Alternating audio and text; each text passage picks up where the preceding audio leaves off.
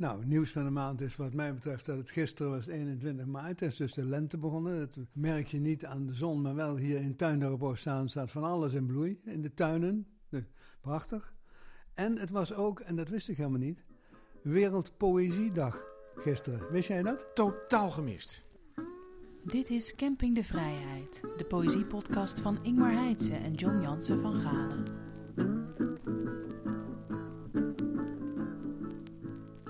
Wat was het nou? Wereldpoëziedag? Wereldpoëziedag was het, ja. Totaal gemist. Ja, dat is En in dat mis ik elk jaar. 1999 door UNESCO bedacht. Die bedenkt wel meer dingen, zoals werelderfgoed. Ja, ja. Ja, wij Maar, hebben in eh, Nederland al gedichtendag in januari. precies. Eh, je- Nee, dat is nee, gedichtendag is, eh, is, is de derde donderdag van, van, van januari. Ja, En dat, en dat werd daarna een week. ja. En, en, en, eh, en die week duurt inmiddels tien dagen, zeg maar, net als de boekenweek. En daar worden dichters altijd wel moe van, omdat het altijd in januari is. En altijd Ja. lopen we te klagen tegen elkaar. Nou, kan het niet gewoon ergens in juli of zo, of in augustus? Of in gewoon- maart samen met de Wereldpoëziedag. Ja, dat zit eigenlijk wel iets Ja. in. Maar dat, dat UNESCO, dat is eigenlijk wel gek. Inderdaad, dat werelderfgoed. Dat je denkt, als het allemaal zo ongemerkt kan. Misschien, misschien zijn wij ook al wel werelderfgoed. Werelderfgoed in onze podcast. Ja. En dat is over de hele wereld, behalve dat er in Nederland, ik geloof dat er niks eh, mee... Wel in Vlaanderen trouwens. In Vlaanderen was een wedstrijd Poëziesterren. Dat is voor kinderen van middelbare scholen. eh, Om ge- gedichten te schrijven en wie dat mooiste gedicht schrijft. Maar ook de Gouden Poëziemedaille. Wie de beste kindergedichtenbundel heeft gemaakt. Voor deze Gouden Poëziemedaille zijn genomineerd drie Nederlandse dichters. Vier eigenlijk, maar één is een duo. Dat is eh, Hans en Monique Hagen en Bette Westra en Ted van Lieshout. En van Ted van Lieshout lees ik het volgende gedicht. Geoorloofd. Alles aan oorlog is fout. Zelfs de vervoeging van het woord houdt zich niet aan de regels van sterk of zwak. De verleden tijd van oorlog is vrede, maar de verleden tijd van vrede is oorlog. Is het daarom dat er steeds weer oorlog is en steeds weer vrede? Omdat tijd wel voorbij kan gaan, maar nooit is voltooid? Het laatste nieuws. Mijn nieuws van de maand eh, is de winnaar van de Herman de Koningprijs. Eh, dat is Alara Adilov met de bundel eh, Mythen en Stoplichten. Typisch zo'n bundel die me van alle kanten alweer toegestopen van dit is eh, mooi, dit moet je lezen en het is bijzonder. Ja. Eh, en om de een of andere reden ben ik dus al tegen draads. Dan, dan leg ik het op een stapel eh, en dat is een beetje de ja, ja, ik zie nog wel stapel. En dat was dom van me, want eh, het is heel heftig werk. Maar het is ook wel mooi. En het is eigenlijk heel helder. Eh, het is nogal pittig. Er zit een hoop gender in. Er zit een hoop seks in. Er zit een hoop ja, ruzie met jezelf. Een hoop Ja. transpersoon zijn of zo. Ik, ik zal er eentje doen. Wanneer je een seksverslaving en een drugsverslaving hebt... en je niet meer weet of je drugs neemt voor goede seks... of dat seks een bijproduct is van het drugsgebruik... Wanneer je later de hormonen op de zwarte markt koopt, je je afvraagt of je verlangen vrouw te worden alleen bestaat om een seksuele fantasie te vervullen. Of dat juist de seksverslaving en drugsverslaving aanhouden omdat deze slecht belichte ruimtes de enige zijn waarin je kunt zijn wie je bent. Dat snijdt toch wel door de ziel. ja, Het, het- Ja, het- het het is, heeft eh, een soort volmaakte verstaanbaarheid en een hele heftige wereld. Want het- heeft een luchtige toon, maar eh, Ja. of een hele heftige inhoud. Precies. En, het, en, en dit, dit is dan dan nog een van de, van de relatief, niet, niet altijd ex, expliciete, want het is nog veel harder en veel heftiger. Maar eh, het is ook hartstikke mooi eigenlijk. Ja, het, is, ja. het is heel aangrijpend. Ja. Het is, eh, je, je krijgt het gevoel dat het goud eerlijk is. Ik denk dat het een hele goede keuze is, eigenlijk, die, eh, voor die winnaar. Ja. Ik heb geen idee wie er allemaal nog meer genomineerd waren of hoe dat verder in zijn werk gaat. Maar ik, ik, ik denk dat ze hier een mooie spraakmakende winnende bundel mee hebben. Alara Adilov, Had- en Stoplicht. had je ook nog iets te berden willen brengen over de poëziekritieken van Harry Mulisch die zijn opgedoken of zo? Ja, die, die, die doken op, werden, klopt, ja dat is waar. Ja, dat, dat, is, dat is ook wel nieuws. Want ja, een geschenk van de maand, ja, dat kan ik het nou toch net niet noemen. Maar dat komt ook, ik ben niet zo'n ontzettende Moelisch eh, buff. Eh, maar inderdaad, eh, Huiskamer, Lyriek en Atoompoëten heet dit boek. Uh, Poëzierecensies 1951-1954.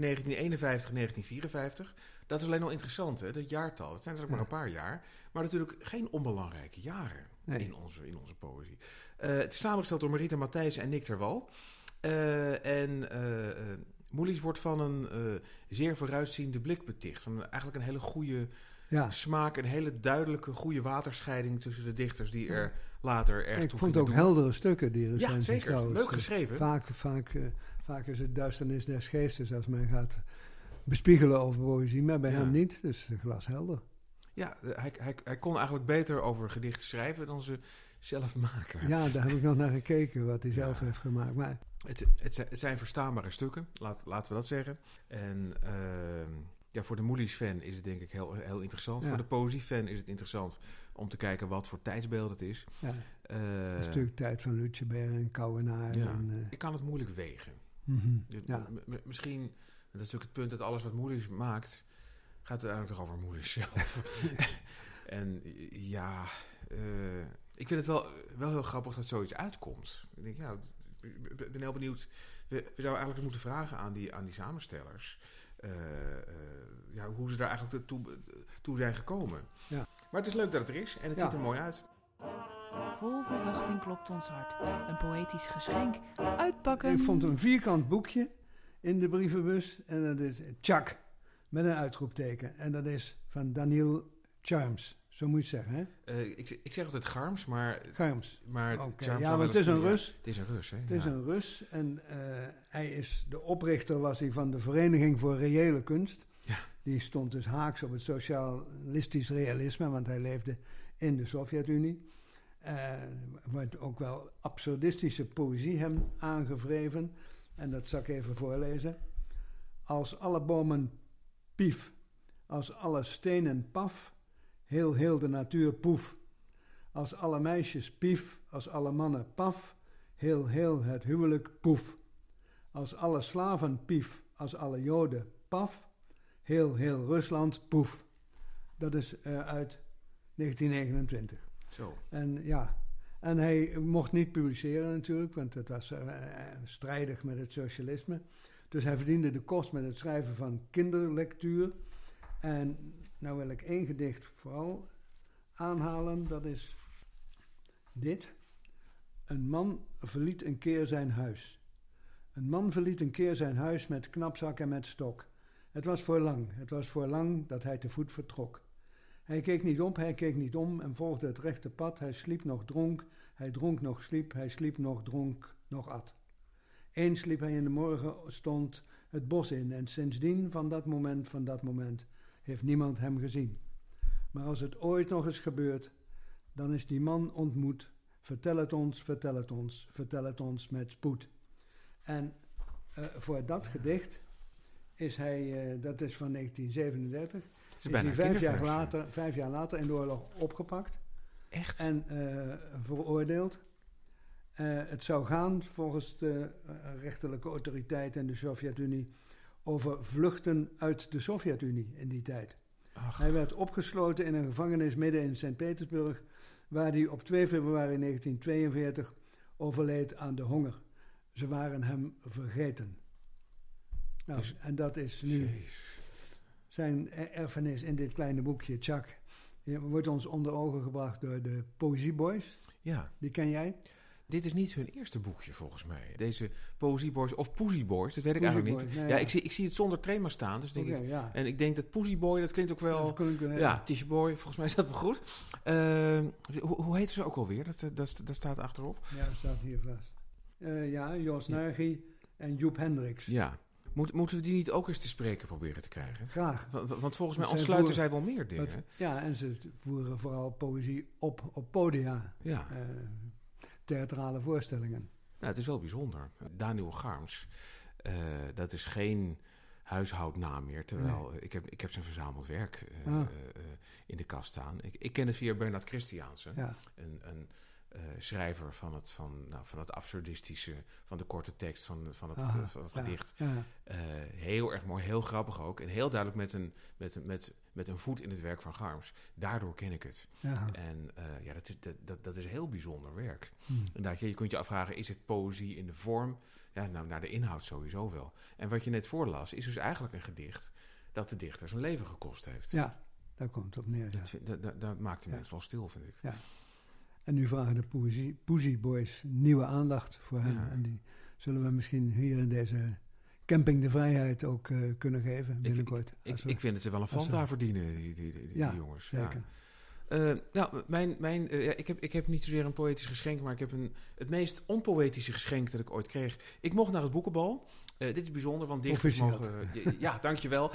het, is, eh, nou, het was een leuk boekenbal, dat kan ik wel zeggen. Het was gelukkig weer in die, in die mooie eh, stad Schouwburg aan het Leidseplein in Amsterdam. De enige plek waar het ook echt hoort, vind Ja. ik. De, het bal is een beetje gaan zwerven natuurlijk in coronatijd. Dus in... Vroeger ook al, dan hebben we vast plotseling in de NOS-studio's of in de het is RAI. ook wel eens in Utrecht geweest, herinner ik Ja. me nu opeens. Ja, dat is, dat is waar. Maar toch is dat natuurlijk niet, ja, dat is niet je ware. Eh, Nee. Volgens mij is dat... Kijk, het, het, het zwerft wel, maar het komt ook altijd weer terug. En daar zijn redenen voor. Net zoals de Nacht van de Poëzie ook wel een tijdje gezworven heeft. Maar en in dat Vredenburg hoort. En het Ja. hoort in Vredenburg. Dus sommige dingen horen nou eenmaal waar ze horen. En de- de- daar moet je niet aan tornen. Maar goed, soms, soms is daar niks aan te doen. Het was er gelukkig weer. Het was een bijzonder boekenbal om allerlei redenen.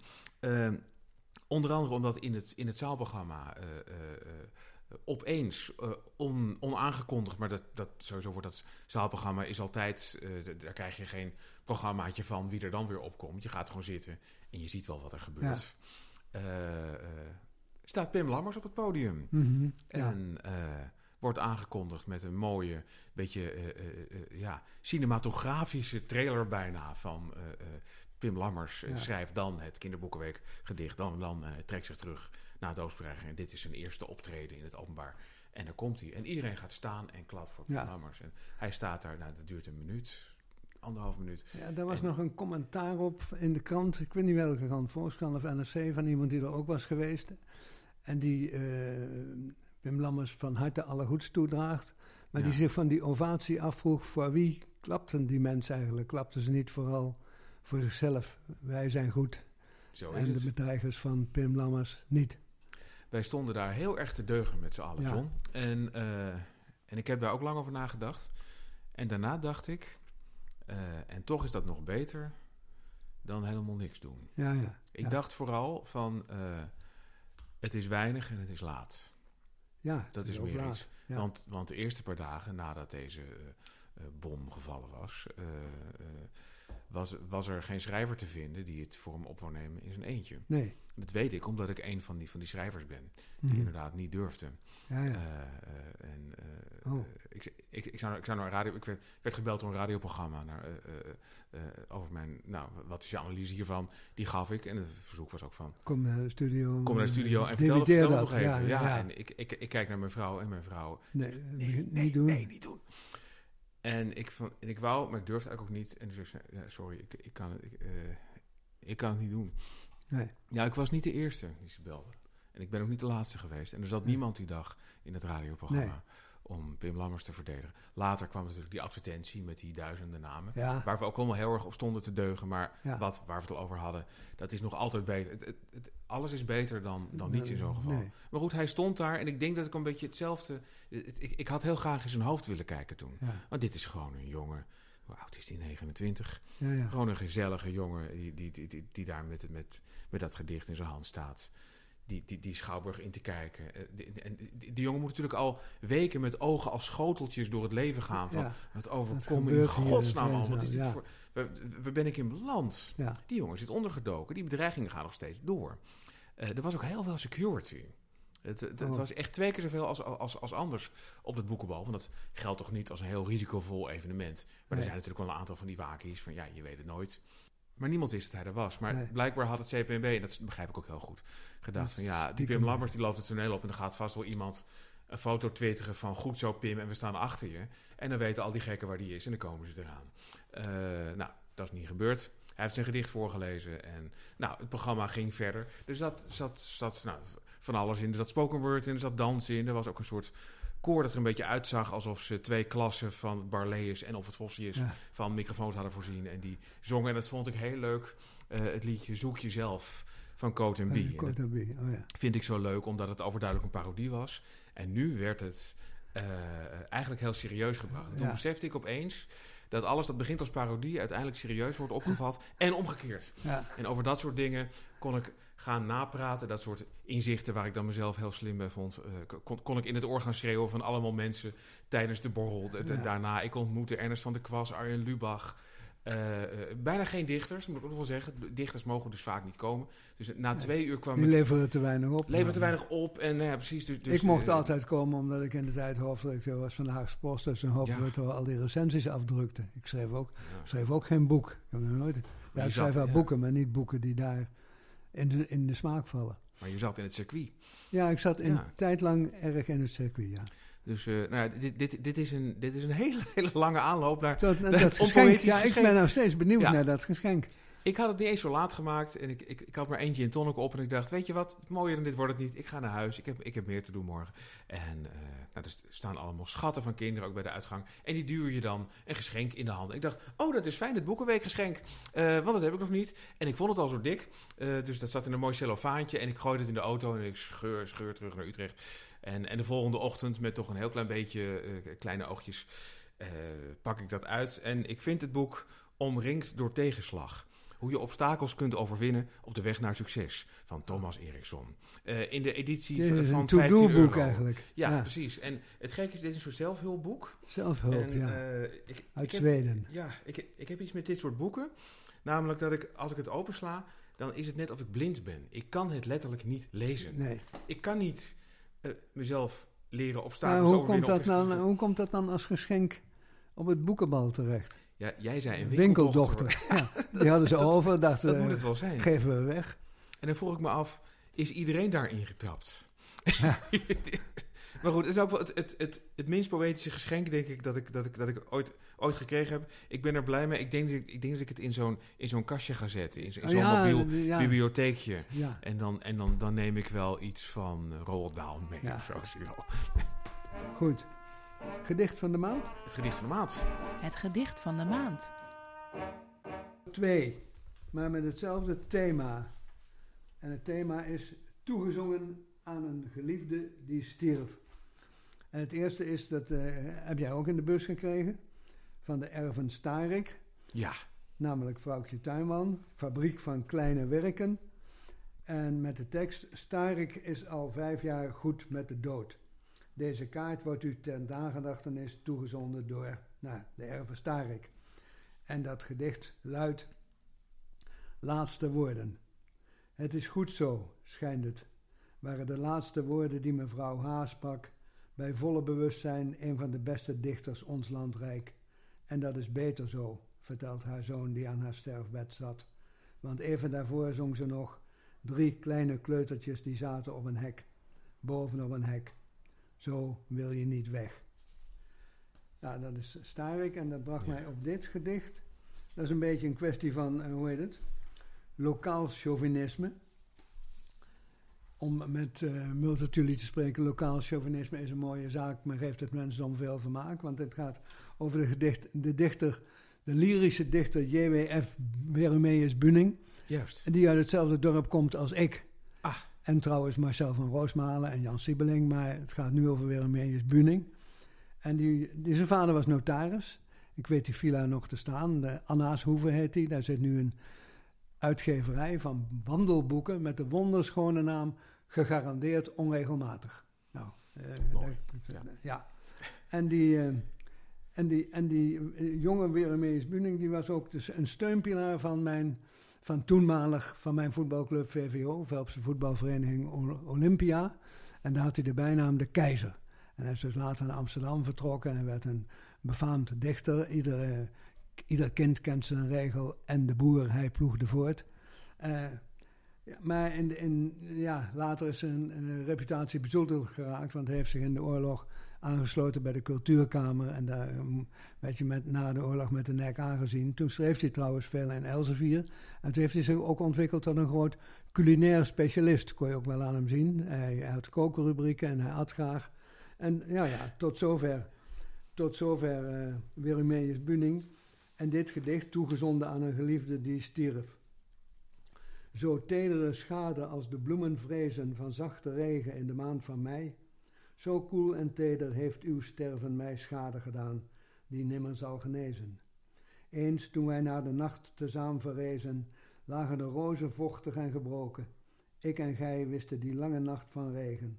Ik nog gij konden van teerheid immer meer genezen. Gij hebt de witte en rode rozenbladen gebeurd in uw smalle hand. Zij vielen vochtig en sidderend weer in het diepe gras. Hoe zal dan het hart van even tedere schade genezen, nu om u de rozen vielen, nu uw handen stil zijn, diep in het gras? In memoriam 1922. 21, sorry. Ja. Ah, hij kon het wel hoor. Hij kon het wel, ja. Met, ja, het is een beetje, hij bleef een beetje later in de categorie Victor van Friesland, zou ik maar zeggen. In die, in die wereld verkeerde hij ook veel. Een, eh, een man van de wereld. Ja. En uit Velp. Zoon van de notaris. Het is, het is gezegd, het is gebeurd. Ja. Mooi. Leuk, leuk om Buning weer eens uh, voorgeschoten te krijgen. Um, nou, mijn, mijn, mijn, gedicht van de, van de maand is eigenlijk... Ik, ik, ik, ik doe een greepje, zou bijna zeggen, in de, uh, in de pot met algemene middelen. Uh, ik, ik kocht net, uh, ja dat moet ik uitleggen. Het was Boekenweek geworden. En ik koop elke Boekenweek voor mijn kinderen een boek. Ja. maar toen zag ik daarnaast Fernando Pessoa in Ons Leven Talloze. Een keuze uit de mooiste gedichten. Samengesteld door Maarten Ascher. gewoon uit de vertalingen van August Willemsen, die natuurlijk zo lang bestonden, geplukt. En toen dacht ik, dat moet ik doen. Ja. Want ik ben wel een, een, uh, een, gro een, groot liefhebber van Pessoa. Maar door al die antoniemen kun je ook wel eens door de boom het bos niet meer zien. En ja. ik dacht, Maarten Asje, die weet wel wat hij doet. La laat, ik, laat ik het boek kopen, dan, dan heb ik even een aantal van de mooiste dingen bij elkaar. Uh, deze klassieker doe ik even. Er zijn ziekten erger dan ziekten. Er zijn ziekten erger dan ziekten. Er zijn pijnen die geen pijn doen, zelfs niet in de ziel, maar pijnlijker dan alle andere. Er zijn gedroomde angsten, werkelijker dan die welke het leven met zich meebrengt. Er zijn gevoelens die men voelt alleen door ze te denken en die meer de onze zijn dan het leven zelf. Er zijn zoveel dingen die, zonder bestaan, bestaan. Die tergend traag bestaan en tergend traag de onze zijn, de onze en onszelf. Boven het troebelgroen van de brede rivier, de witte circumflexen van de meeuwen. Boven de ziel de nutteloze wiekslag van wat niet was, ook niet kon zijn en alles is. Geef mij nog wat wijn, want het leven is niets. En daar komt precies om drie over elf Erik Jan Harmens aan de bel hangen. De gast van de maand. John en Ingmar praten met een coryfee uit het land van de poëzie. Ik wil je graag eerst uh, uh, confronteren met een geluidsfragment. Ik had je bundel binnen als pdf en ik heb erin zitten lezen. En gisteren moest ik het huis opruimen. Ik dacht, ik wil die bundel eigenlijk nog een keer lezen. Dus toen heb ik aan de computer gevraagd uh, om hem voor te lezen. Oh en dat klinkt dan... Ik voel iets en wil weten wat het gevoel is. Het is niet dat ik niet durf me te laten overspoelen. Ik begrijp alleen niet waarom ik dat zomaar zou doen voor je iets in je mond stopt. Wil je toch ook weten wat het is? Nadeel nou, is wel dat gaat dat een hele tijd zo door. Uh, ik, ik, ik, ik raakte een beetje in de war in de, in de loop van de tijd. Het had ook niet zoveel te maken met wat ik me herinnerde wat ik gelezen had. De allereerste keer dat ik jou hoorde voorlezen, waren we allebei 17 jaar. Ja. Uh, in, in, in Alphen aan de Rijn. Ja.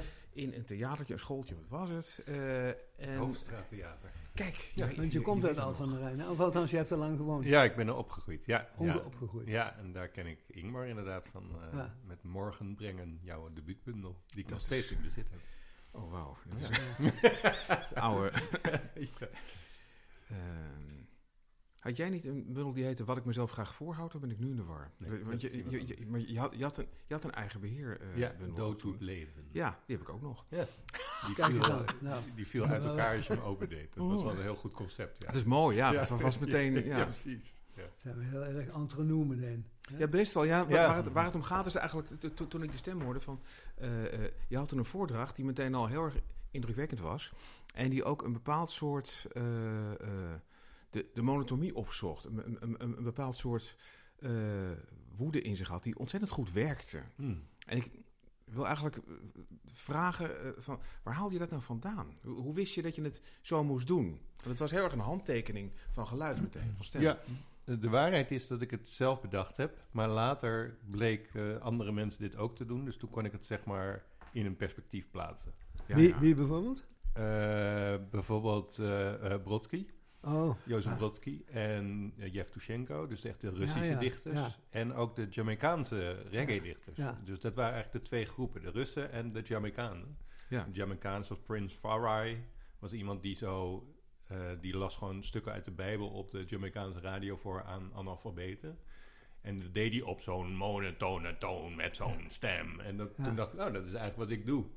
Ja. Het was niet van tevoren dat ik dat hoorde en dacht, dat ga ik nadoen. Het was Nee. meer dat ik het toen in perspectief kon plaatsen. Dus als ik nu een heel stoer intertextueel verhaal wil houden, dan zeg ik dat ik in de traditie sta van die mensen. Maar de waarheid is dat ik het zelf bedacht en Ja. het later erbij heb. eh, wat vond je doen. dat van dit fragment trouwens? Ja. ja, ja. ja, dat kunnen we wel Ja, dat is wel ophouden. ja, precies. Het klinkt een beetje als mijn uh, routenavigatiesysteem. ja, eh, de overtreffende eh, trap ja. van monotoon is dat eigenlijk. Ja, Ja, het, het was ook een experiment dat ik niet voort ga zetten. denk Nee. ik. Nee. Het is- het is- je raakt ook- ik, ik raakte ook vreselijk in, in de war ook bij het opruimen. Ik ging ook dingen slaan en zo. Je, je wordt heel agressief van als je hier lang naar luistert. Ja, Dus, ja. dus het is wel... En ik besefte ook dat het iets anders is. Van, de, de, de iets wat, het iets wat machinale in de voordracht eh, is wel duidelijk een vorm van interpretatie. En waar je natuurlijk helemaal gek van wordt, Hmm. is dat gewoon een stem die... Ja, als, zo- zoals een stofzuiger stof opzuigt die die Mechanisch, tegenkomt. Ja, zo, ja. Zo, zo, zo komen die, die, die klanken eruit. Ja. Dat het verstaanbaar is, vind ik wel heel bijzonder. Dat vind Het ik is toch wel ja. raar, dus dat de ene monotonie is de andere niet. Dus deze Dat monotonie vind ik dus heel koud en kil. Ja. eh, terwijl ik andere monotonie eh, heel aantrekkelijk vind juist. Ja. Dus dat is, is Het dat wel komt- weer typisch. Het komt omdat het bewusteloze monotonie is. Ja. Het is wat? Bewusteloos of bewusteloos? bewusteloos. Ja. je, je, je, eh, eh, je kunt je onmogelijk aan de indruk onttrekken dat het ding geen idee heeft Nee, wat het het voorleest. is eigenlijk een machine waar je Ja. naar luistert. hè. Ja. Dus, eh, ja. Ben, Ja. ben je met die monotonie ook in de tijd de eerste Poetry Slam kampioen van Nederland geworden? Ja. 2002 was Ja. dat? Ja, dat, is, eh, dat, dat viel wel op, ja. Want ik was, Ja. De meesten gingen heel melodieus voorlezen, dus Ja. allemaal met hoog en dan weer laag. En ik deed alles op één toon zo, en ja, dat, Een dat beetje was wel, dat, ja. dat- dan viel het in ieder geval op, ja. Maar er waren ook wel veel mensen die het heel irritant vonden, dus ik had altijd, altijd, altijd al medestanders en tegenstanders en dat is eigenlijk altijd gebleven. Maar het is toch wel leuk dat je dat in En de poëzie Slam, kan is eh, sorteren. Voor deel afhankelijk van wat het publiek ervan vindt. Ja, dus het moet ook toch in de smaak gevallen zijn. Ja, nee, zeker. Ja, nee, dus de meerderheid vond het dan blijkbaar, eh, of de rest was weggelopen. kan, Ja. kan ook natuurlijk. Je had ook epigonen. Er waren mensen die je nadenken. Ja, ja. Eh, ja, en- die veranderen zo- zoals dat gaat weer in zichzelf. En ja, tegelijkertijd vond ik het ook wel mooi dat je gewoon begint met een Ja. voorbeeld en uiteindelijk ja, gaat, ja. dat, dat, Hartstikke mooi. Dat is niks moois dan worden, nou ja, nagedaan, maar dat, dat geïnspireerd zijn door wat ik doe en het dan op een andere manier weer doen, maar wel dat het je eraan doet denken. Dat is natuurlijk ontzettend leuk. Ja. Wat ik me afgevraagd ben, dus eigenlijk het komt al, al opruimend en met dingen gooien. En dacht ik dus van, eh, eh, het is misschien ook wel dat je door die voordracht ook een soort persona neerzet. Want je zet iemand neer die eh, ja, toch wel een soort woede projecteert. En dat je dat op die manier tussen jezelf, tussen je kwetsbare zelf en de Mm. luisteraar in kan zetten. Of was dat iets waar je totaal niet over nadacht? Dacht je gewoon van, dit is geinig, laat ik het zo doen. Ja, dat is het eigenlijk. Ja. Ja. Later, ik bedoel, ik heb, wat ik net zei, ik kon het in een traditie zetten van anderen later. Ja. Maar eh, kijk, drie jaar geleden heb ik een autisme-diagnose gekregen. En nu zet ik het eigenlijk ook wel in dat kader.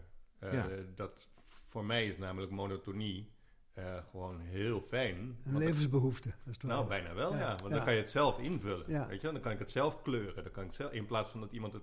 Dus iemand die bijvoorbeeld heel zacht en lief praat, die, die vertrouw ik meestal niet. Dan denk ik, Nee. dat is niet Oh, goed, weet je. nee. Dus, eh, die probeert met in te palmen of zo. Ja. Terwijl als iemand gewoon monotoon en een beetje bars praat, dan denk ik, oh, dat is, nou, ja, dus neutraal. En neutraal is de beste stand die je kunt hebben. Wij wel. moeten ons Bas opstellen. Ja, heel graag. Ja. Ik graaf in mezelf. Oké, nu, nu- nu gewoon. Oké. maar dat, dat is natuurlijk iets, iets wat je laat zien, ook in, ook in deze bundel. Je laat eigenlijk zien eh, hoe het werkt op een bepaalde manier. Los, los van dat het ook poëzie is en dat het ook over, over alles gaat. Eh, het is ook een soort, soort gebruiksaanwijzing.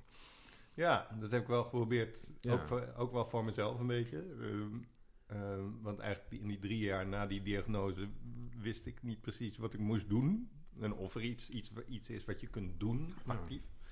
Ehm, eh, en dan is eigenlijk het enige dat ik echt weet als, eh, nou ja, ik weet niet, als uitweg of als eh, manier van doen is dichten. Ja. Ja, dan heb ik dat, heb ik dat gaan doen, snap je?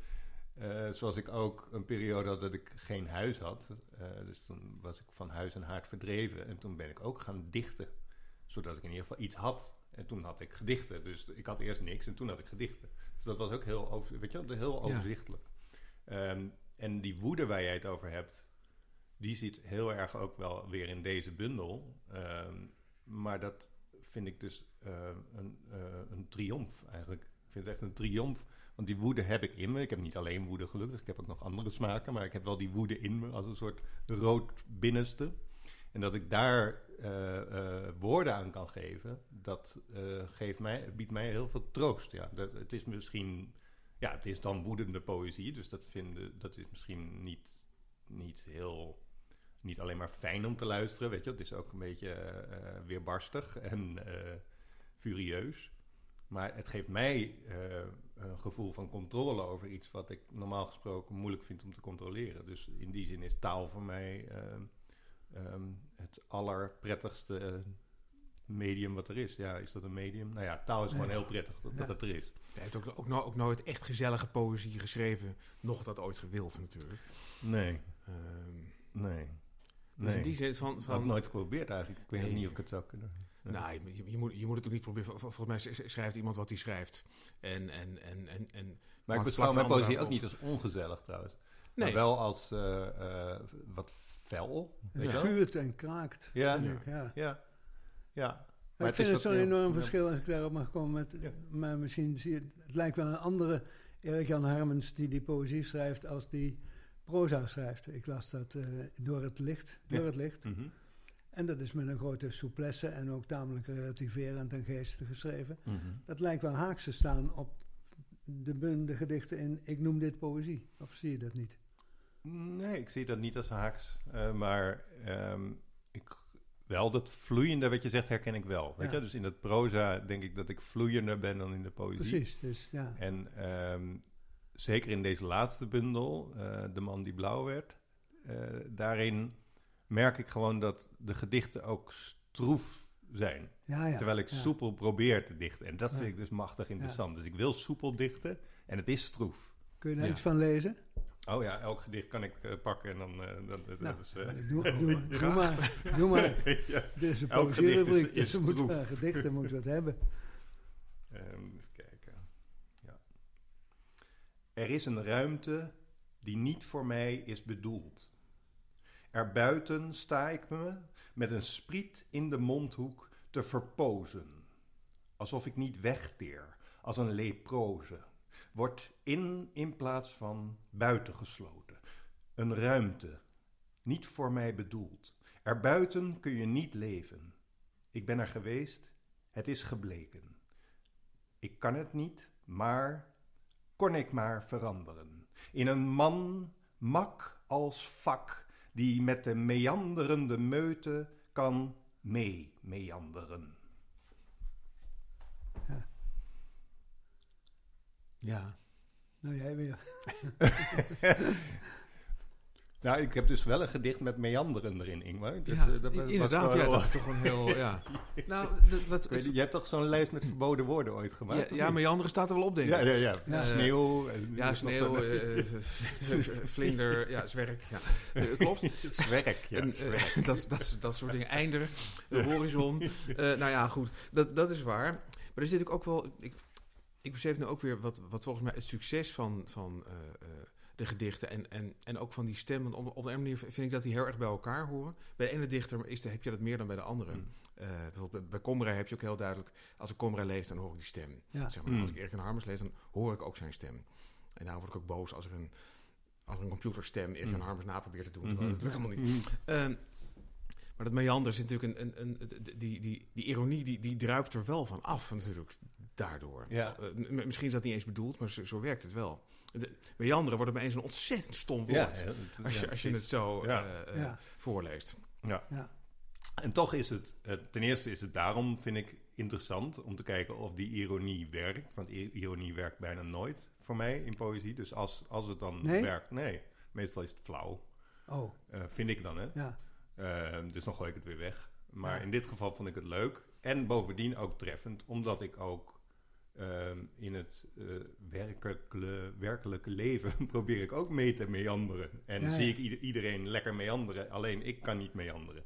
Eh, dus, eh, weet je wel, dus dat, dat, dat, dan klopt het inhoudelijk en qua vorm. En dan Mhm. ben Ja. ik wel helemaal verrukt, Ja. als dat zo is. Ja. Maar dat werkt, bijna werkt het nooit. Al, alle, er zitten wel soms grapjes in mijn gedichten, maar de meeste gooi ik weg omdat ze gewoon niet werken of te flauw zijn. Of, weet je wel, dus ehm, als het een keer lukt, vind ik het wel heel plezierig. Ja. Ja. Nou, degene die, die laat staan zijn ook wel echt, echt heel leuk. En, en, en schoppen het ook wel in bepaalde huishoudens tot, eh, tot, tot staande uitdrukkingen. Onder andere, ik kan wel timmeren, maar niet op iets specifieks.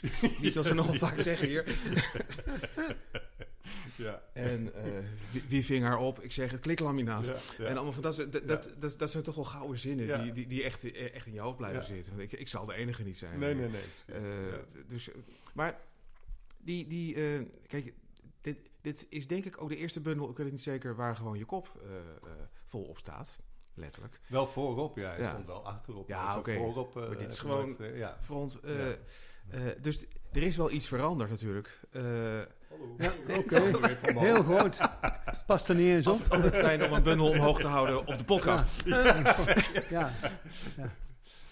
Maar voor mijn gevoel, als ik het lees, eh, eh, is het een voortzetting van wat je eerder... Maar is er, het, eh, voor jou is er alles veranderd de afgelopen drie jaar. Als ik, als ik, als, als ik je er zo over eh, lees in NRC bijvoorbeeld laatst. Ja. Eh, en tegelijkertijd voor, voor mij als lezer is er eigenlijk eh, niks veranderd in hoe je gedichten lezen en, en aanvoelen. Het is eigenlijk altijd zo geweest. Nou, ik Alleen kan jij me wist niet, het dus niet. niet blijer maken dan dat met die bewering. Ja. Nou, gelukkig. Ja, nee, ja, dat meen ik. heel ja. erg. Heel Waarom, erg waarom? Omdat ik natuurlijk worstel met een... Ik worstelde daarvoor met een druk hoofd, om het even samen te vatten. Ja. En nu worstel ik met een label, dus zo blijf je worstelen. Maar dan is het heel fijn als Ingmar als lezer zegt dat voor hem qua, als lezer verandert er niks. nog dezelfde is. Ja, dat, is- dat vind ik heel prettig om te Ja. horen. Ja, ja. Ja, Doe nog een eh, gedicht, alsjeblieft. ja zal ik doen.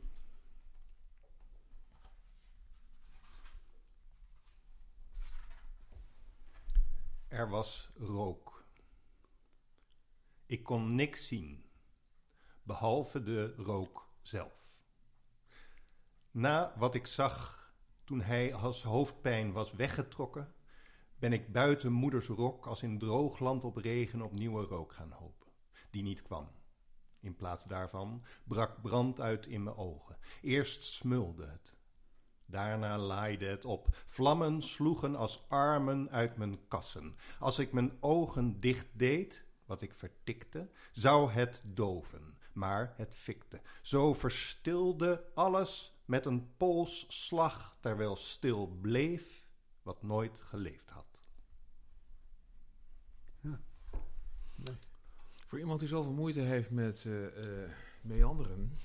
heb je verrassend veel samengewerkt met andere eh, dichters. Ja. Ilja Vijver, hele bundel meegemaakt. Rick de Leeuw, Rick de Leeuw. Ja. een Ja. jeugdidool van Ja. mij en misschien ook wel van jou ooit. Hoe, hoe zit dat? Hoe Ja. komt zoiets tot stand? Nou, hoe komt dat tot stand? Eh, bij Rick kwam het eigenlijk tot stand omdat we allebei eh, in een scheiding zaten. Echtscheiding zaten. En toen eh, hadden wij eigenlijk ook weer die gedachte van... Nou ja, we- één ding wat we konden doen toen nog was heel veel wijn drinken. En het tweede wat we konden doen was samen gedichten lezen en gedichten schrijven. Dus toen zijn we duetten gaan schrijven via de e-mail. Mhm. Eh, en terwijl hij op tour was, door, vooral door België dan, waar hij heel veel optreedt... Ja. Eh, was hij eigenlijk in die kleedkamer dan gedichten naar mij aan het sms'en vaak ook. En dan sms'te ik dat weer terug. Dus dat was heel plezierig en ook weer heel eh, prettig om te hebben eigenlijk. ja. En toen ik dat gedaan had, dacht ik, laat ik het dan nu eens doen met een dichter die ik echt, waarvan ik echt wel verwacht dat dat een soort free fight wordt, of een soort cage fight wordt of zo. Ja. En daar toen kwam ik op, Ing, of, op Ingmar, daar ben jij. Eh, op Ilja. Ja. ja. Ja. En eh, eh, eh, dus toen, eh, en, en, en van- ja, dat was eigenlijk weer heel anders dan met Rick. Omdat Rick is eh, ja, dichter en zanger. De- en, en Ja. dat vloeit ook samen, vind ik, bij hem. Zeker. En, eh, dus eh, het is ook soms gewoon eh, zang op papier, om het zo te zeggen. En bij Ilja, ja, die ging natuurlijk met, z'n- met zijn... eh, met zijn idyllen eh, aan de Ja. haal. Dus met die eh, heel, heel vormvast. Ja. En daar ging ik een soort gangster rap tegenover zetten. En dat werd dus, vond ik tenminste, ongelooflijk Ja. grappig en leuk om te doen. En we hebben toen die bundel uitkwam van Ilja en mij, toen hebben we die in een theatertje in Amsterdam integraal voorgelezen. En toen gebeurde er ook wel iets heel bijzonders, namelijk dat, dat is een van de bijzonderste optreedervaringen die ik had. Dat Ilja na afloop eh, leeg was. Ja, ja. Echt leeg. eh, en eh, in tranen. En eh, gewoon van uitputting bijna ook of zo, door de intensiteit. En toen dacht ik, dit is toch wel iets heel bijzonders.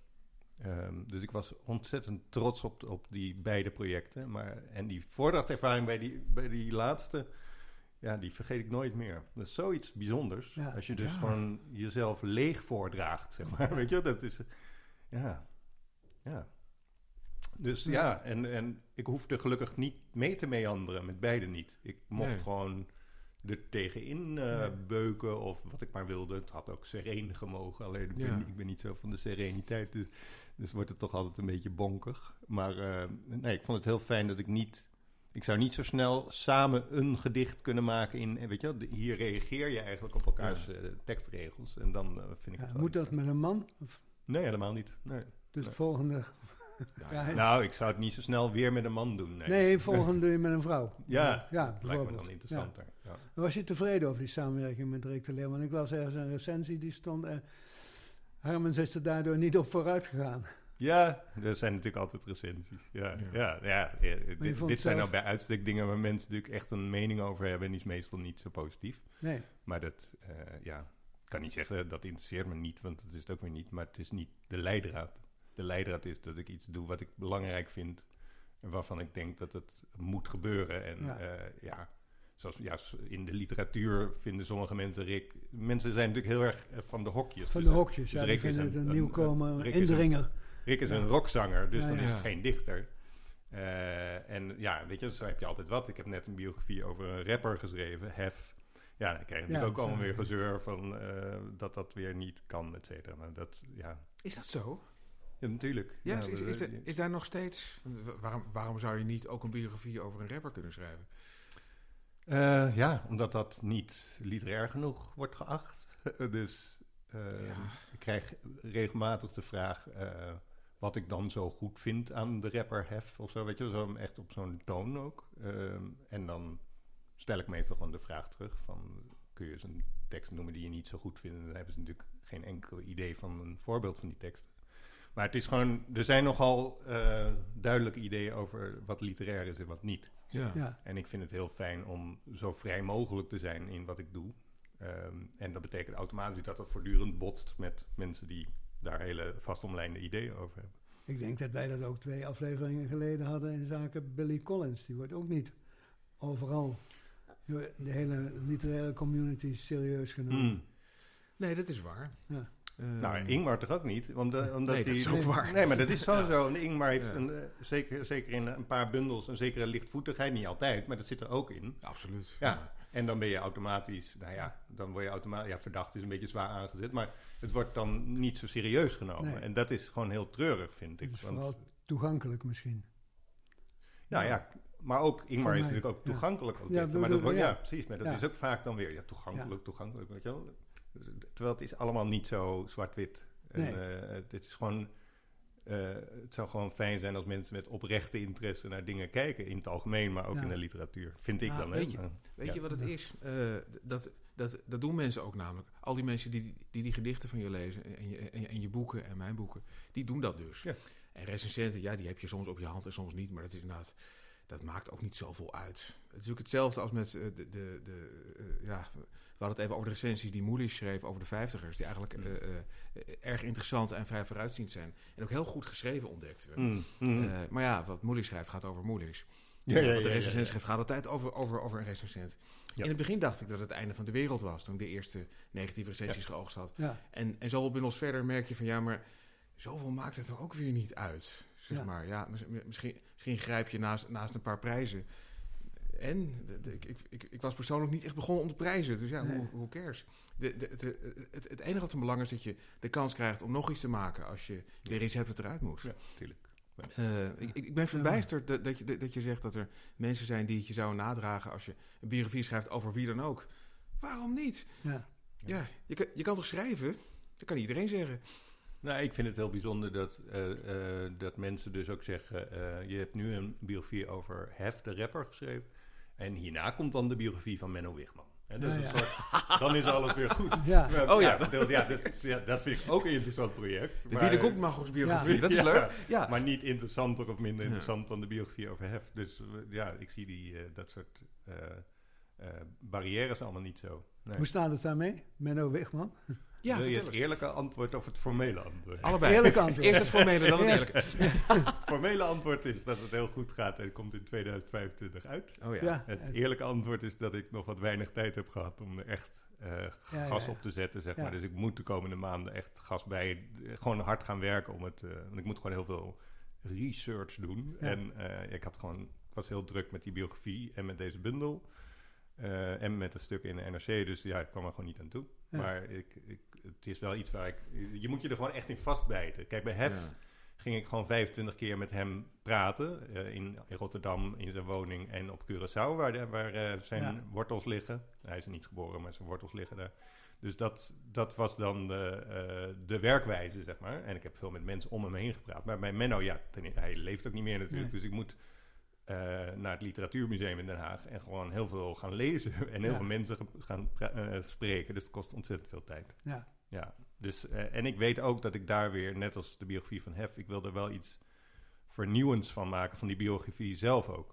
Zon- Ja, ja, zonder dat het pedant wordt of zo, maar gewoon, ik wil niet, eh, gewoon, ik wil niet een biografie schrijven van Menno werd geboren. of- Nee, nee, ik wil gewoon, is, eh, hij De was een man tijd van komt er natuurlijk meer Ja, voor. Hè? Mirjam van Hengel over Leo Voorman, dat is ook niet Nee, een klassieke Nee, nee, biografie. precies, precies. En dat is toch heel ja, boeiend. daarom. ja. Ja. zeker.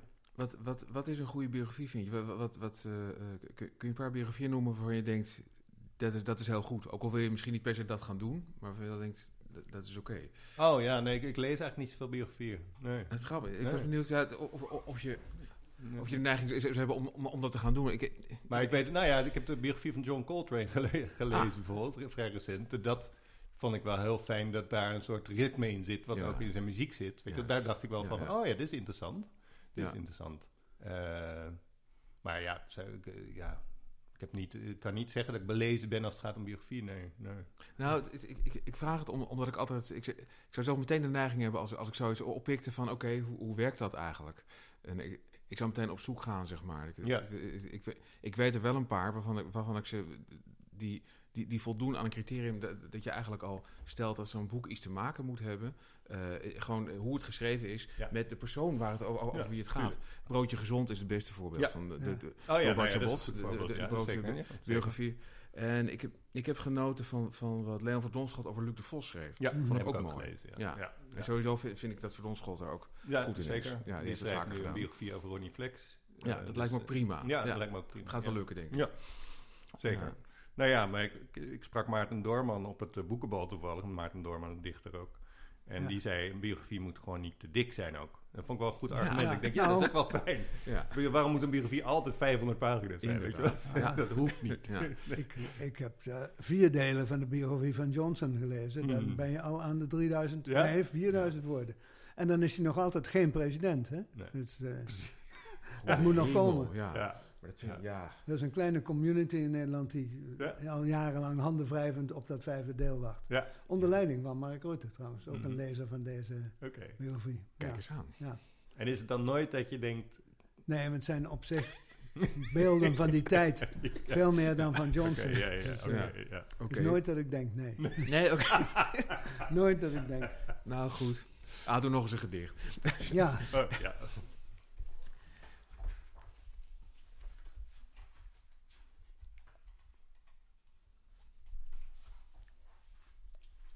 Je praat onafgepast, alsof je plast. Het klatert. Het komt en komt. Oneindig de straal waarin je niets afzonderlijks kunt onderscheiden. Zoals realiteit niet van droom, zoek ik naar woorden in je woordenstroom. Ik zou alles wat binnenkomt willen filteren. Maar wat heb je niet nodig? Wat wel? Waaraan zal ik me vastklampen als aan stukken wrakhout na scheepsrampen? Alles lijkt van belang. Ook dingen waar mensen van zeggen dat is niet belangrijk. Juist dingen waar mensen van zeggen dat is niet belangrijk. Want ik wil dan weten wat die onbelangrijkheid beduidt. Een vraag die, zolang het antwoord uitblijft, naar een donkere, vochtige kelder ruikt. Dus leg uit. Ja.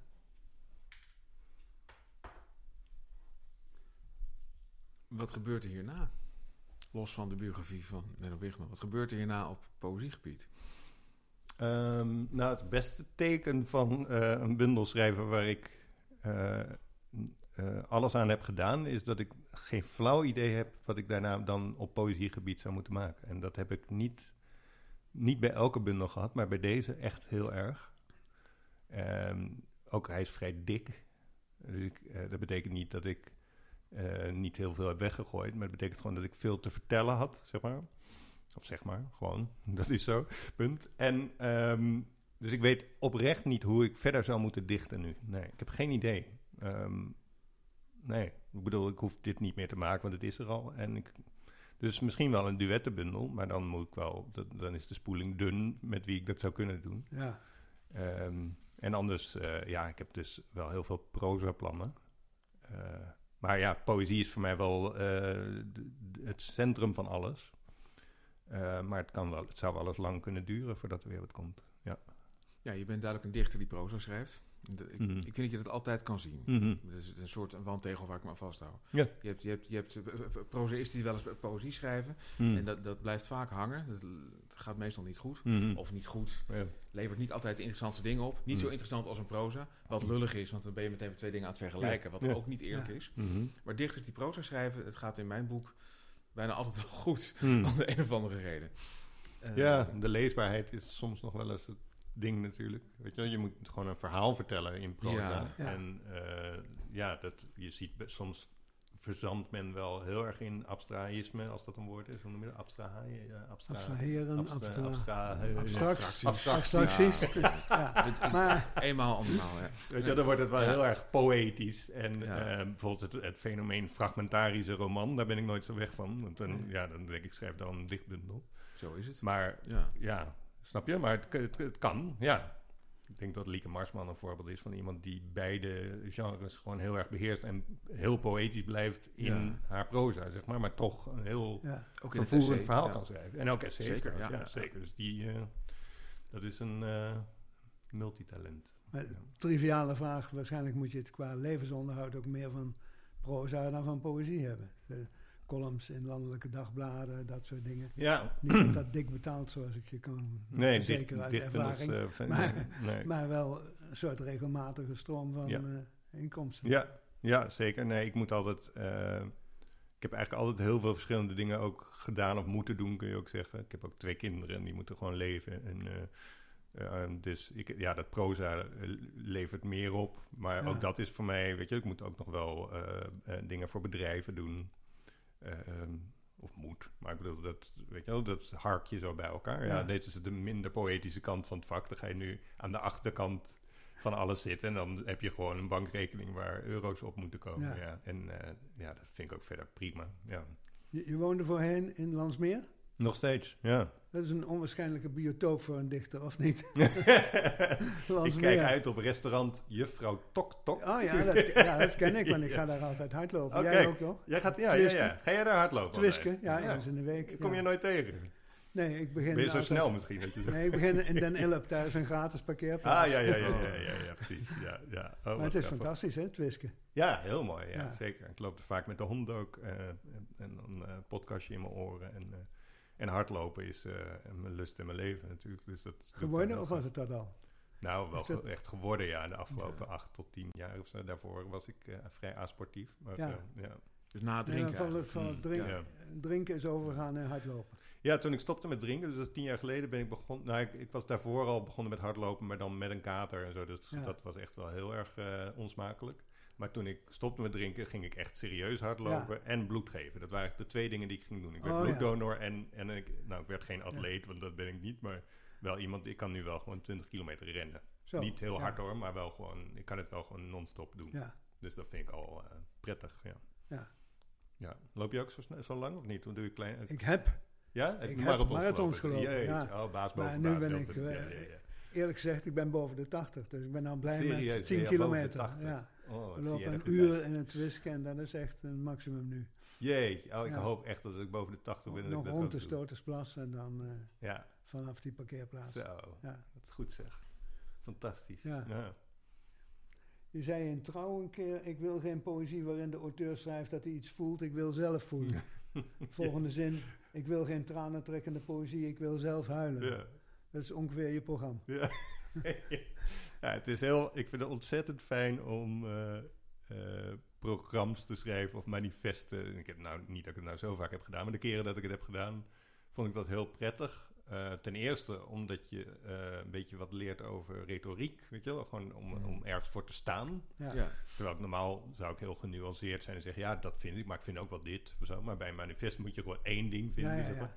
En het, het lokt heel veel reactie uit, waardoor echt opeens wordt er dan heel veel gepraat, bijvoorbeeld over poëzie, wat ik heel grappig vind en ook wel heel leuk Ja. vind. En heel goed natuurlijk. En heel goed Ja. vind, ja, allerlei eh, eh, dingen. Dus, ehm, ehm, en in dit geval, ja, dit is wel wat ik, ik geef ook wel, nou nu niet meer zo vaak, maar ik heb wel regelmatig les gegeven in creatief schrijven ook. Eh, en, ehm, en ook wel poëzie dingen begeleid, poëziebundels begeleid. En dan gaat het eigenlijk vaak daarom, ja, dat het wordt Ja. ingevuld eh, in plaats van opengelaten. En het is de kunst, vind ik, om het zo open te laten dat de ander gaat voelen. Mhm. In plaats van ja. dat je het gevoel opschrijft. Het gevoel opschrijven Ja. vind ik vrij saai. Eh, en ook, ja, ik word ook heel lui als lezer dan. Dus ik denk, oh, dat gevoel, het wordt al gevoeld, dus dan kan ik net zo goed Ja, iets anders gaan doen. Ja. Snap je? Dus als dat, als dat veel implicieter is eh, en veel uitnodigender is, dan, dan zit ik helemaal aan het papier gekluisterd. Zeg maar. Dan wil ik, dan ga ik zelf dus allemaal dingen eh, Ja. voelen. Ja. Ja, we hadden het straks over toegankelijkheid. Ik weet niet of je het erg vindt, maar ik, in deze verzamelbundel, ik noem dit poëzie, komt het nogal eens voor dat ik denk van een couplet, wat moet ik ermee aan? Ja, Ik kan er geen chocola van maken. Ja. Ik wil wel een voorbeeld voorlezen. als je dat wil. eh, Of wil je het zelf voorlezen? Nee Ja, hoor, dan is maar. Dan is het natuurlijk, anders is het zo lang, dan is het natuurlijk één couplet. Hè? Dat Ja. is een beetje losgezongen van de rij. Uit Piri Piri Gospel. de oude koek gaat van hand tot hand. Knokkend als worst in kookvocht. We cruisen behoedzaam langs de hot potato heen. Proest zwoegt op zijn to-do-lijst. Verstuikt, ontwricht, gebroken. Die arm komt er niet meer in. Opgebaard in badstof tanden als een haasje wop naar voren. DNA-haar op DNA-haar valt uit en vormt een knot. Ik kan het niet zien op of achter je oren. Dan denk ik, Kristalhelder. ik oh ja? Vind jij dat ook? Kristalhelder? Eh, nee, het is niet kristalhelder, maar ik, heb, ik, ik, zit, ik zit er niet... eh, Sowieso, ik lees nooit iets eh, en denk van... Ja, maar eh, eh, ik, ik, ik begrijp het niet, want het, iets begrijpen interesseert me niet zo. Eh, Oh. eh, ik, ik, Ja. ik, ik denk gewoon, dit staat er. Wat Ja, kan ik ermee? ja. En, en, en waar ik niks mee kan, dat sla ik gewoon over. Ja. Zoals wanneer ik het een moeilijk kinderboek aan, aan, aan mijn kinderen voorlees... dan pikken ze er eh, heel veel dingen niet uit, Mm. want daar zijn ze niet aan toe. Nee, nee. En andere dingen wel, want een goed kinderboek heeft, heeft die eigenschappen dat je erin kan blijven lezen. En dat je Oké. tien jaar later denkt, oh god, het ging eigenlijk daarover. Maar dat, dat maakt niks uit. En dat heb, heb ik hier ook. Ik, ik, ik, Ik pak moet het lezen als een kinderboek, begrijp ik.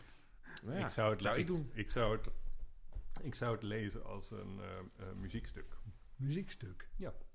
Eh, li- een, een muziekstuk of een liedje of zo. eh, hoef je, daar, daar ga je niet van denken laat, na te luisteren van... eh, even kijken of ik dit liedje snap. Nee, Toch? nee, nee, nee. Dus Nee. je hebt wel woorden gehoord, eh, eh, maar je begrijpt de woorden niet precies. En, maar de combinatie van die woorden is toch anders dan als iemand zomaar random allemaal Ja, woorden ja. op zou kwakken. En eh, Ja. als ik even Nou, één dat is zoals uit- ik naar opera luister. Dan, die, Ja. Ik weet niet precies wat die teksten allemaal Maar inhouden. Proest maar- zwoegt op zijn to-do-lijst. Ja. Snap je? Dat, is- dat is sowieso heel veel oeh. Hoeveel is op klank ja, geschreven. Ik zeg. Ja. En eh, dan is het inhoudelijk ook nog een to-do-lijst eh, versus iemand die natuurlijk de hele dag alleen maar tijd vermijde en dan s'avonds eh helemaal in zijn driedelig kostuum eh, nog wat ging schrijven, al gelegen op zijn bed. Ja. Dan is een to-do-lijst het tegenovergestelde, dus dat is bijna een soort literair grapje Ja. eigenlijk. Maar het is vooral, ja, het is vooral de klank ook dan. Eh, Ja, ja. En eh, worst, eh, worst in het kookvot Worst vind in ik, ja. vind ik heel interessant. Weet je? Dan zie je echt die binnenste Ja. van die worst knallen in zijn vel of zo. En dat, ja, dat geeft een soort spanning weer. En eh, ja, zo, zo heeft elke regel wel een bedoeling. Ehm, Ja. Maar ik, ik hoef inderdaad niet dat John dan na afloop zegt, nou, dit snap ik helemaal. Dat snap ik helemaal. Nee, nee. nee, nee. Ik vind het wel fijn als het wat doet. En dit is wel een, dit komt uit de bundel Gospels en Psalmen. Ja. Eh, ja, dat is een, eh, dat, ja, dat, ik ben wel... Nou, ik ben- nee, wacht, nu wil ik eigenlijk iets zeggen wat ik eigenlijk niet wil zeggen. Want nu ga ik me bijna verontschuldigen voor iets wat ik niet eh, nodig vind, zeg maar. Maar het is niet de meest eenvoudige bundel om te lezen. Nee. Laat ik het dan even zo zeggen. Nee. Nee. Het gaat daarin vaak over G alias God. Ja, Ja, ja, klopt, ja. ja. En het leek me mooi om, eh, een, eh, om te schrijven over een eh, eenmansreligie. Dat leek me, dat fascineerde Ja, me. ja. Zoals ik ook altijd gefascineerd ben door eh eenmans polonaises, weet je wel? Dus, Ja. eh, ja. ja. ja. Ja. Ik, ik, ik, altijd in mijn eentje Polonaise gelopen. Voor Ja. ja. ja, ik heb altijd met, met een Dan soort... sta je op of niet? Ja, nou, maar, maar het gekke is nooit in mijn eentje, Hmm. maar altijd wel zo. Dus ik, ik Ja. heb een- met, een, met een fantoom Oh ja, loop ik Polonaise. Ja. Met, en ik heb ook het gevoel dat er achter me een Ja. ander fantoom... wauw, dat Ja. is mooi zeg. Ja. Laat mijn bestaan zijn als een keten, John. nou, je het zegt. Nou, nog een gedicht. Ja. We zijn er nou toch. We Ja. zijn er nou toch, precies. Nou, dit, eh, dit, eh, het middelste gedeelte van de bundel eh, bestaat uit eh, gedichten die beginnen met het woord vak. Ehm, dit, Oh ja. eh, dit is er. eh, hij is wel anderhalf pagina. Is dat te lang voor jullie? Nee hoor. Nee? Nee. Oké. Vak zijn. Vak mij zijn. Want het is windstil, maar ik zwiep. Het is feest, maar ik kijk naar de grond. Wat je vraagt is helder, maar er komt geen vak uit mijn mond. Vak mij zijn. Het is windstil, maar ik zwiep. En alleen ik check of mijn richtingaanwijzers synchroon lopen met de anderen, waardoor ik niet van mijn plek kom bij de stoplichten. Ik wil wandelen door de bossen van Canada, want alleen ik hoor in een restaurant hoe de mensen om me heen praten. En daarnaast, als door een parallel kanaal, hoor ik de mensen om me heen eten. En ik hoor de serveersters bewegen. En de achtergrondmuziek in, uit, in, uitveden. En ergens daardoorheen hoor ik jou. En mijn innenstem die weg wil waar ik ben. En ik wil zo graag blijven. Maar als ik blijf, zal ik verstrammen. En kan ik pas als alles vloeibaar wordt wegdrijven. Voor mensbegrippen stijf, maar naar plankmaatstaven boven gemiddeld tot meebuigen bereid. Vak als ik wel wil luisteren, maar geen gesprek kan volgen. Er wel achteraan ren, als door een gangercomplex, maar steeds laten de woorden me hun hielen zien. Soms krijg ik een lidwoord te pakken, maar blijft het bijbehorende zelfstandige naamwoord me voor. Heb ik op een gegeven moment alleen maar een zak dus, hets en unnen in mijn handen. En die zak zal ik squashen, want voor mij bestaan alleen de uitersten, die alle gemiddelde als tomaten stuk stampen. Liefde met een barsje erin wordt geen liefde. Een lofzang met één inch kritiek verziekt. Eén verkeerde celdeling en alles verkankerd. Dus splits foutloos uiteen in delen. Hou je mond bij het mondstuk tijdens het loftrompet steken. Slik de tekstballon in. Heel de barst die me doorkliefde. Heb helemaal lief me. Heb helemaal lief me. Begreep je dat een beetje, John? Nee, dat hoeft niet. Eh, merk, je dat dat, dat, dat, dat dat het precies is? Van Ja, ondergaat. Ik, ik, vind het volmaakt helder en toch kan ik het niet navertellen. nee, nee. D- dat, dat is waar poëzie volgens mij voor bedoeld is. Ik wordt geconfronteerd met iets. Maar ik kan het ook niet navertellen, maar je moet het ondergaan inderdaad. Ja, maar het Op is, je af laten komen. er, er is iets veranderd. als die opera. Wat? Er is iets veranderd. Ja. Eh, eh, eh, ze- ze- ik vind voordracht in dit geval ook heel belangrijk, maar ik vind het altijd belangrijk Ja. eigenlijk. Maar bij het lezen had ik het ook, van ik kan, ik kan me deze herinneren uit die, ook, ook van die mechanische stem en van het eerder lezen. Ja. Ik vind het een van de betere gedichten uit de, Oh, uit de bundel. En, en jij denk ik ook, want volgens mij eh, duik je er ook echt in als je het Ja. voordraagt. Het is ook een reis, hè? Ja. Je- ja. Eh, dus Maar ik heb altijd, iets. ja, kijk, voor de poëzie van Paul Celan, of Celan, Ja. hoe je het ook maar uitspreekt, die is vrij ondoordringbaar. Weet je wel, dat is heel vaak. eh, maar, maar ik heb bijvoorbeeld een uitgave van zijn gedichten met daarbij een uitleg. Ja. En dat is best wel leuk, weet je. Dan Ja. krijg je echt ook een beetje de- wat hij er persoonlijk over heeft gezegd. Uitleg Wordt- van hemzelf. Ja, en van Ja. eh, historici of eh, Oh, ja. literatuurcritici. En dan, dat levert ook best wel wat op. Dus Ja. het zou best wel k- interessant kunnen zijn om bijvoorbeeld bij gedichten toch, zoals we nu ook een beetje doen, om daar wel over te praten. Zodat je Ja. lezers toch ook een beetje, eh, ja, ook een Meeneemt. beetje eh, helpt of zo. Waarom niet? Ja, Ja. ja. ik vind het best wel, eh, best wel goed. Want, Ja. Maar ik ben het ook wel eens met, eh, ja, dat eh, als ik Paul Celan zonder eh, uitleg lees, eh, dan kan ik er toch ongelooflijk van genieten. Gewoon van, eigenlijk ook wel John, omdat er zoveel is wat je moet begrijpen. Ja. Weet je wel? Je moet begrijpen als het stoplicht op rood staat en zo, dat soort dingen. Je moet een IKEA-bed in elkaar kunnen zetten. Je Je, moet de eh, krant begrijpen. ja, je moet de aanbiedingen in de supermarkt begrijpen. Ja. Je moet stemmen. Je moet allemaal dingen. Je moet je relatie begrijpen. Je moet alles begrijpen. Weet je? En dan is er één klein dingetje wat niet begrepen hoeft te worden. Ja. Dat zijn gedichten. Die, die kun je dus ondergaan. Ja. En dan kun je sommige stukken van begrijpen en sommige stukken niet. Eh, en dat kan je eh, prima vinden of je kan er geïrriteerd door raken. Dat is ook, ook best wel een emotie die mag af en toe. Dus het is best wel, ik vind het best wel prettig dat er ook iets, iets bestaat wat je niet hoeft te begrijpen. Ja. En dat stemmen was nog helemaal niet zo gemakkelijk te begrijpen. hè? Want ik ging net door de parkbad om te stemmen. En toen bleek dat ik de grens van het waterschap was overgegaan. Daar kon je niet stemmen. Oh. Als je aan onze kant woonde. Oh, ja, ja, ja, in het ja. Buiksloterkerkje wezen. Ja, ja, precies. Ja, precies. Lange wandeling, terwijl op twee, twee krukken loopt. Ja. Zeg dat wel. ja. Hoe noem je dat? Elleboogstokken. Elleboogstokken. Elleboogstokken. Oeh, mooi. Goed, moeten we... Laten we nog even duidelijk zeggen, die bundel heet De man die blauw werd. Hè? Van Erik Jan Harmers. Het is, Ja. een, het is een prachtige bundel. Ja. Eh, eh, ik, eh, ik heb de indruk dat, dat het er goed mee gaat. En ik hoop dat het er nog veel beter mee gaat. Het is, ja, ik vind, ik, vind, het een fantastische bundel. En, ik ben heel erg blij met wat je allemaal verteld hebt. Vooral het laatste. Het ik- klonk ik zo goed allemaal. Eh, ja, het klonk ook heel goed. Ja, het was Ja, het inderdaad, ja. Dus, dus, Ja. dus toch, ja. Ik, ik, ik vind toch, zeg maar, als- als, ik zeg Erik Jan Harmers versus Siri, is het toch 1-0 voor Erik Jan Harmers. Nou, fijn. Ehm, wat, wat, wat, meer op de rol staan? Nog- Verdwijnwoord. Het verdwijnwoord, ja natuurlijk. Het, Van Rogier eh, Proper ja, ge- geen, geen, geen uitzending van Camping de Vrijheid. Dit is trouwens de 16e. Is compleet zonder het verdwijnwoord van Rogier Proper. Niet zozeer in den beginnen, maar aan het einde was er het woord van Rogier Proper. Angstzweet. Ik wilde opeens schrijven over het angstzweet van een mot, maar vraag me niet waarom. Ik heb er ook geen enkel beeld of gedachte bij, bij het angstzweet van een mot. Het moest de opening zijn van een melancholiek verhaal over een eenzame mot die op een mooie lenteochtend aan de rand van het ei opeens bedenkt dat zij het leven niet meer ziet zitten. Dat toverde enig angstzweet op haar vleugeltjes, die daardoor prachtig begonnen te flonkeren in de zon. Beeldschoon, had ze het zelf maar kunnen zien.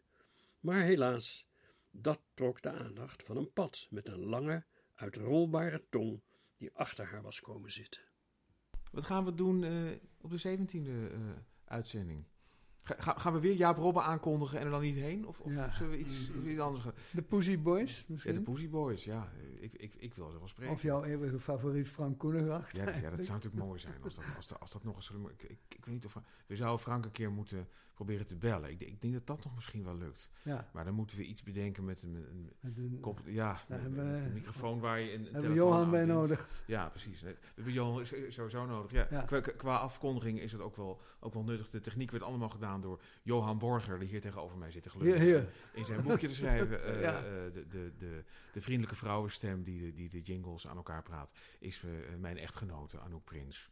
Ja. Eh, j- jij bent Don Jansen Vergalen, ik ben Ingmar Heijs. Onze Ja. gast was Erik-Jan Harmers. Dit was de... Dit was, de, dit was de 16e Camping de Vrijheid. Dank jullie wel voor het luisteren en op naar de volgende.